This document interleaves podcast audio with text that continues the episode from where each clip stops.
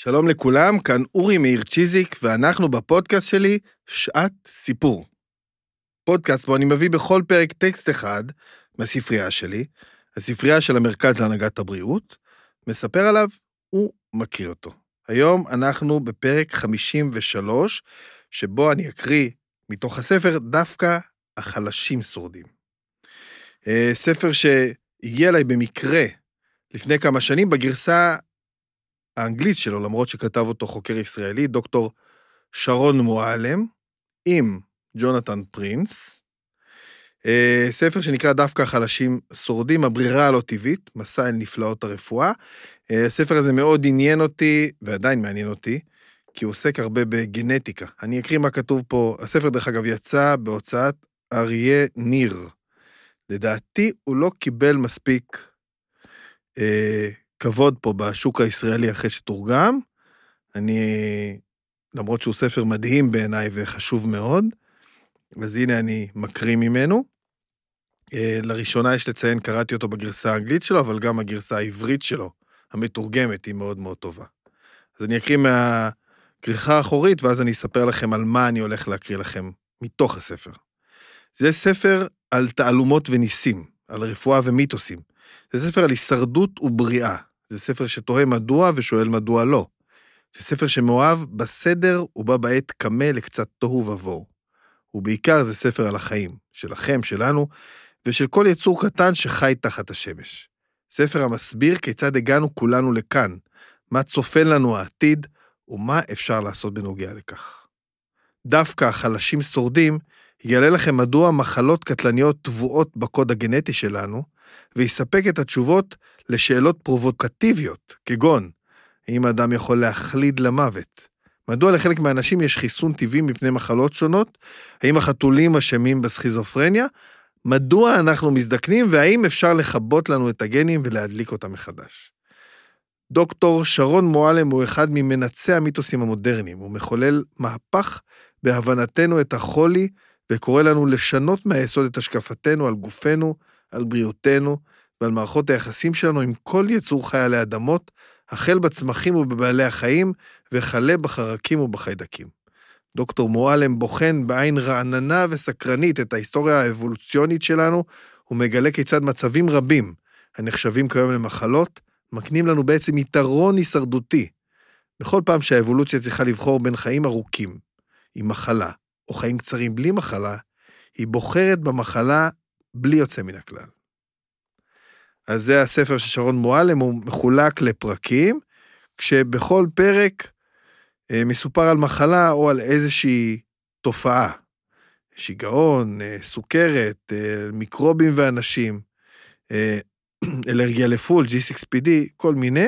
אני בחרתי להקריא לכם כמה קטעים מתוך הפרק השלישי, שקוראים לו "וזרח השמש ובא הכולסטרול". אני אקריא לכם קצת ממנו, אני מקווה שהחלק שאני אקריא מתוך הספר יגרה אתכם כדי להמשיך אחר כך את הפרק, בסדר? אה, הוא קשור בשמש, אם לא הבנתם מהכותרת, וגם בכולסטרול.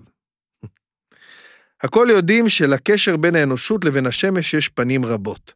הרי כבר בבית הספר היסודי למדנו שכל המערכת האקולוגית של כדור הארץ תלויה בקרני השמש. ובראש ובראשונה, תהליך הפוטוסינתזה שבו יוצרים צמחים חמצן, ושבלעדיו לא היה לנו מה לאכול ולא היה לנו מה לנשום. בשני העשורים האחרונים אנחנו הולכים ומשתכנעים שעודף שמש הוא דבר מזיק, הן במישור הכלל עולמי והן במישור האישי, ושהוא מסוגל לעשות שמות בסביבה באמצעות בצורת או לגרום לסרטן עור קטלני. אולם רוב האנשים לא יודעים שהשמש חשובה לא פחות גם במישור הביוכימי האישי, וכי הקשר הזה מזיק ומועיל כאחד. אור שמש טבעי עושה שני דברים בו בזמן. הוא מסייע לגופכם ליצור ויטמין D1, והוא הורס את רזורבות החומצה הפולית בגופכם. ומדובר בשני חומרים שכל אחד מהם חיוני לבריאותכם.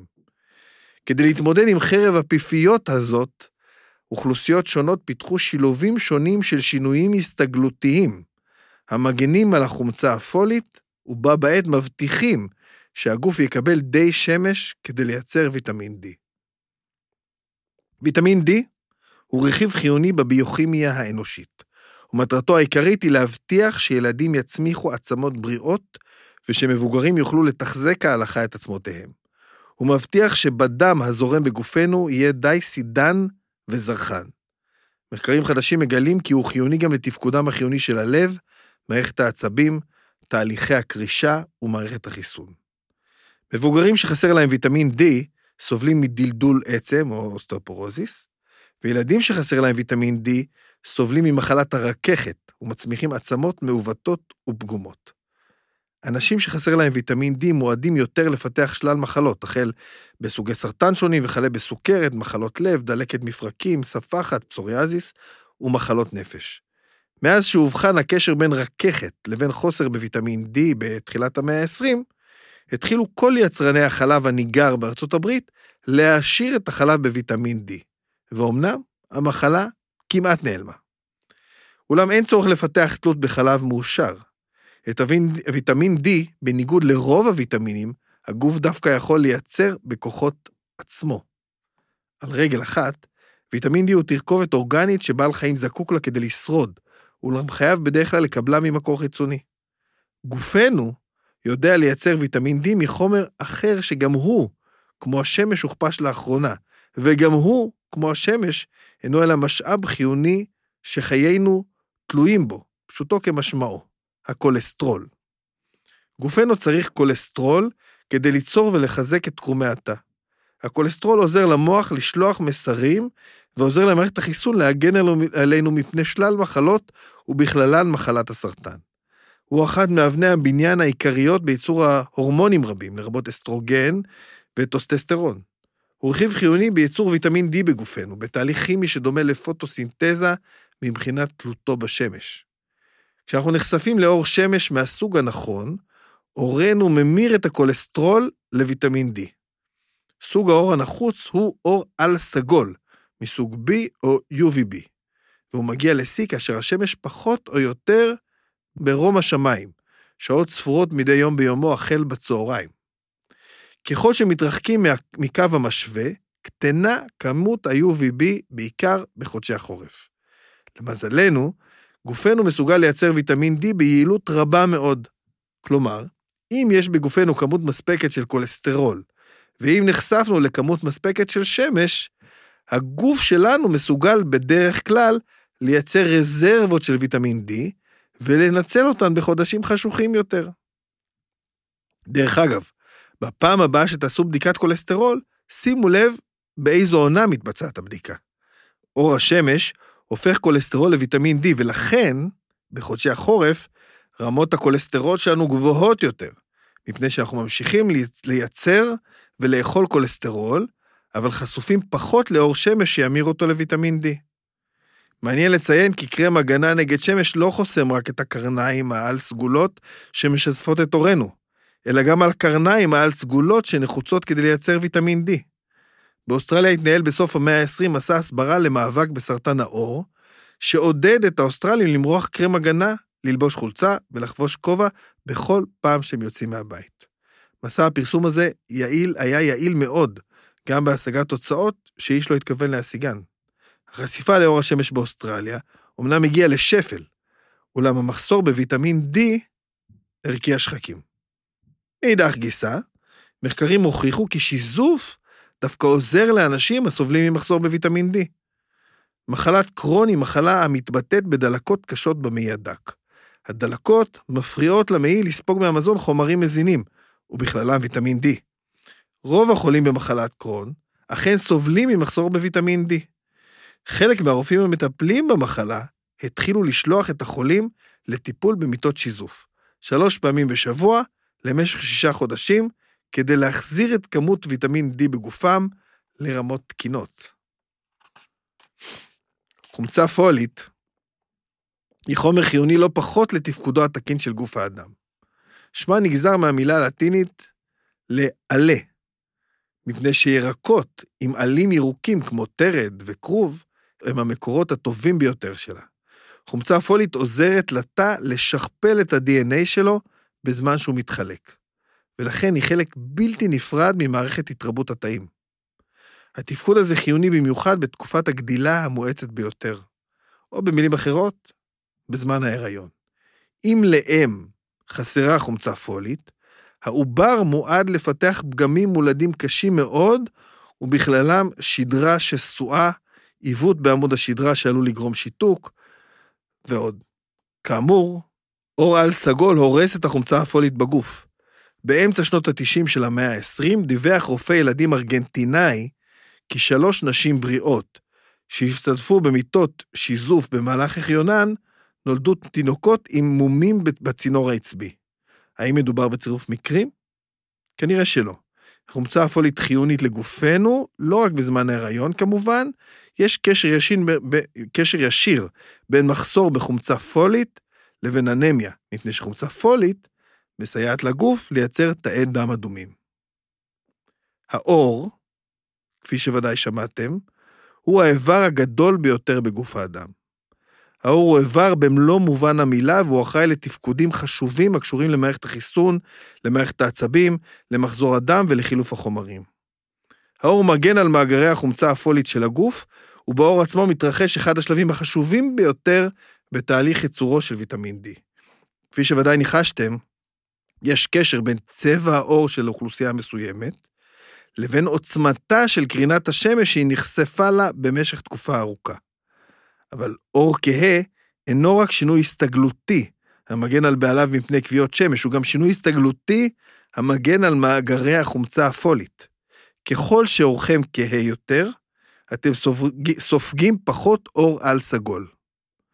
גופנו מייצר פיגמנט מיוחד הסופג אור, שמו מלנין. כמות המלנין וסוגו הם שקובעים את גוון עורנו. המלנין נחלק לשניים, פאומלנין, צהוב או אדום, ואומלנין, חום או שחור. הוא מיוצר על ידי תאים בשם מלנוציטים. מכיוון שלכלל, שלכל תושבי כדור הארץ יש פחות או יותר אותו מספר של מלנוציטים, ההבדלים בצבע העור נובעים משני גורמים. מידת הפעלתנות של יצרני המלנין וסוג המלנין שהם מייצרים.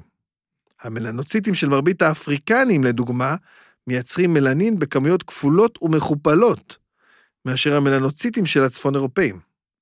ומרבית המלנין שהם מייצרים הוא או מלנין, הגרסה השחורה או החומה. מלנין קובע גם את צבע השיער והעיניים. ככל שיש לכם יותר מלנין, יהיו לכם עיניים ושיער כהים יותר. ללבקנים יש עור לבן כחלב, מפני שגופם מייצר מעט מאוד מלנין, אם בכלל. הסיבה לכך היא פגם באחד האנזימים. בקשתית העין של הלבקנים אין בכלל מלנין, ולכן אפשר לראות דרכה את כלי הדם העוברים ברשתית, במעמקי העין. כלי הדם העמוקים הם שמשווים לעיניהם את הצבע הוורוד או האדום האופייני. הכל יודעים שחשיפה לשמש משנה במידה מוגבלת את צבע העור. מה שמשנה את צבע העור הוא בלוטת יותר את המוח, ההיפופיזה.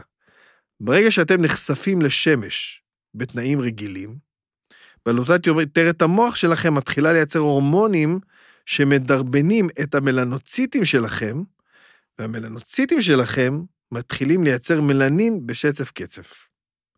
לצערנו קל מאוד לשבש את התהליך הזה. בלוטת יותר את המוח מסתמכת על מידע המגיע מעצב הראייה. כשעצב הראייה קולט אור שמש, הוא מאותת לבלוטת יותר את המוח לדרבן את המלנוציטים. נחשו מה קורה כשאתם מרכיבים משקפי שמש. נכון. עצב הראייה קולט פחות אור, בלוטת יותר את המוח מקבלת פחות איתותים, היא מייצרת פחות הורמון לגירוי המלנוציטים, נוצר פחות מלנין, ואתם נשרפים יותר. אם אתם שוכבים עכשיו על שפת הים וקוראים את הספר הזה מבעד למשקפי שמש, עשו לאור שלכם טובה. הסירו את המשקפיים, תכף ומיד. אם אתם מתגוררים עד היום באזורים שמהם הגיעו אבות אבותיכם, די בשיזוף רגיל כדי להגן עליכם מפני ההבדלים העונתיים בכמות אור השמש. אולם אם תיקחו סקנדינבי ותזרקו אותו בקו המשווה, אין לגוף שלו שום יכולת להשתזף מספיק כדי להגן עליו מפני השמש העזה שם. התוצאות של חשיפה לשמש טרופית בלי הגנה, מבחינתו של אדם שגופו לא מסוגל כמעט להשתזף, הן כוויות קשות, הזדקנות מוקדמת וסרטן העור, ובנוסף, גם מחסור בחומצה פולית על הבעיות הנובעות ממנו. מדי שנה מאבחנים בארצות הברית מלנומה אצל עוד 60 אלף איש. מלנומה היא סרטן עור אגרסיבי במיוחד. סיכוייהם של אמריקנים ממוצא אירופאי לחלות במלנומה גדולה פי עשרה עד ארבעים מאלה של אמריקנים ממוצא אפריקני. בשלביה המוקדמים יותר של האבולוציה האנושית, גם לנו היה כנראה אור בהיר למדי, שהסתתר מתחת לפרווה עבה וכהה. עם הזמן איבדנו את השיער, אורנו נחשף לקרניים העל סגולות, שהקרינה השמש האפריקנית החזקה, וסכנה נשקפה למאגרי החומצה הפולית הנחוצים ללידת תינוקות בריאים. תופעה זו יצרה העדפה אבולוציונית לטובת אור כהה, מלא במלנין, סופג אור שיגן על החומצה הפולית. ברבות השנים היגרו אנשים צפונה, אל מקומות שאור השמש בהם פחות חזק. אורם הכהה שהונדס כדי למנוע ספיגת קרניים על סגולות היה בעוכריהם. האור החלש לא סיכן את החומצה הפולית בגופם, אך מנע ממנו לייצר ויטמין D. הצורך להגדיל ככל האפשר את כמות אור השמש שקולט הגוף כדי לייצר די ויטמין D יצרה לחץ אבולוציוני חדש. והפעם לכיוון התבהרות האור. הירחון היוקרתי סייאנס דיווח לאחרונה על גישושים מדעיים ראשונים לבחינת ההשערה כי אנשים עם אור לבן הם בעצם מוטנטים, שחורי אור, שאיבדו את היכולת לייצר מספיק אומלנין. מדהים. ג'ינג'ים, המתאפיינים בדרך כלל בנמשים ובאור לבן כחלב, הם כנראה שלב מתקדם יותר במוטציית ההתבהרות. ייתכן שאנשים שהתגוררו באזורים עם אור שמש חלש ולא תדיר, כגון אזורים מסוימים בבריטניה, עברו שינויים אבולוציוניים שחיסלו כמעט לגמרי את יכולתו של גופם לייצר אומלנין, הפיגמנט החום או השחור. אנתרופולוגית בשם נינה ג'יי יבלונסקי ומומחה לגיאוגרפיה ממוחשבת בשם, בשם ג'ורג' צ'פלין חברו בשנת 2000 למחקר משותף, אחרי שקודם לכן חברו ונישאו זה לזה, שהתווה את הקשר בין צבע העור לבין כמות האור. צבע העור לבין כמות האור. התוצאות היו ברורות כשמש ביום בהיר. באוכלוסיות שנשארו באותו אזור במשך 500 שנה או יותר, יש מתאם כמעט קבוע בין צבע העור לבין חשיפה לאור שמש. צ'פלין ויבלונסקי הצליחו אפילו לנסח משוואה מתמטית המבטאת את הקשר בין צבע העור של אוכלוסייה מסוימת לבין החשיפה השנתית לקרניים העל סגולות. אני לא, לא אחשוף אתכם לנוסחה הזאת, היא נוסחה מאוד מאוד מורכבת. המחקר של יבלונסקי וצ'פלין מעלה את ההשערה המעניינת, שלפיה המאגר הגנטי שלנו עדיין מכיל גנים שמסוגלים לשנות את צבע העור. לטענתם, אם אוכלוסייה תהגר מאזור אקלים אחד לאחר, צבע עורה יתאים את עצמו בתוך אלף שנה לתנאים החדשים. עורם של צאצאי המהגרים יתקעו מספיק כדי להגן על החומצה הפולית, או יתבהר מספיק כדי להעלות למקסימום את ייצורו של ויטמין D. למשוואה של יבלונסקי וצ'פלין יש יוצא מן הכלל אחד. היוצא מן הכלל המוכיח את הכלל. לאינואיטים, מה שאנחנו אצלנו, אני מעיר פה, קוראים אסקימואים, הילידים המתגוררים באזורים מדרום לחוג הארקטי, יש אור כהה, אף על פי שהשמש שם מועטה מאוד. האינואיטים לא נאלצו כלל לפתח אור בעיר דיו כדי לייצר ויטמין D, והסיבה לכך פשוטה מאוד. התזונה שלהם עתירת דגים שומניים, ודגים שומניים הם אחד המסונות היחידים בטבע שמשופע בוויטמין D. האינואיטים אוכלים ויטמין D מבוקר ועד ערב, ולכן הם לא צריכים לייצר אותו. ואם הסבתא האירופאית שלכם ניסתה להלעיט אתכם בשמן דגים, גם היא ידעה מה היא עושה, מפני ששמן דגים, המופק מכבד של דגים, היה אחת התרופות הבדוקות נגד רככת, בעיקר לפני שהתחילו להעשיר את החלב בוויטמין D. פה אני עוצר את הסיפור. אני עוצר את הסיפור דווקא במתח. למה אני עוצר אותו במתח? כי יש עוד מלא שאלות שעולות מתוך הסיפור הזה. למדנו מפה למה יש אנשים כהי עור ובעירי עור, ואיך זה מושפע ומשפיע על ויטמין D, כולסטרול וחומצה פולית, אבל בטח אתם שואלים את עצמכם עכשיו איך אנשים כהי עור מצליחים לייצר מספיק ויטמין D, ויש פה כל מיני קשר לצריכת האלכוהול אצל אסייתים ומה שהיא גורמת להם, ואנשים ממוצא אפריקאי, ואני ממליץ לכם בקיצור לקרוש את הספר. ולהתחיל לקרוא בו, כי זה מעניין, ולא רק הפרק הזה מעניין, אלא גם הרבה פרקים אחרים פה הם מאוד מאוד uh, מעניינים. אז שימו לב, זה היה לגבי אור השמש, זה קראנו מהספר דווקא חלשים שורדים, של דוקטור שרון מועלם עם ג'ונתן פרינס, בהוצאת אריה ניר, ספר מאוד מאוד uh, מומלץ. בכלל, הנושא הזה של גנטיקה ואבולוציה הוא אינסופי, אנחנו כל הזמן לומדים ממנו דברים חדשים, והוא באמת נושא מדהים. ואם דיברנו על האינואיטים, אז בפרק הבא, אני עושה פרומו, אנחנו נקרא ממש על האינואיטים. זהו, סיימנו. מזמין אתכם לעקוב אחרי הפודקאסט וגם לעקוב אחריי ואחרי הפעילות של המרכז להנהגת הבריאות, גם ברשתות החברתיות וגם באתרים שלנו. אני אורי מאיר צ'יזיק, ואנחנו ניפגש בפרק הבא.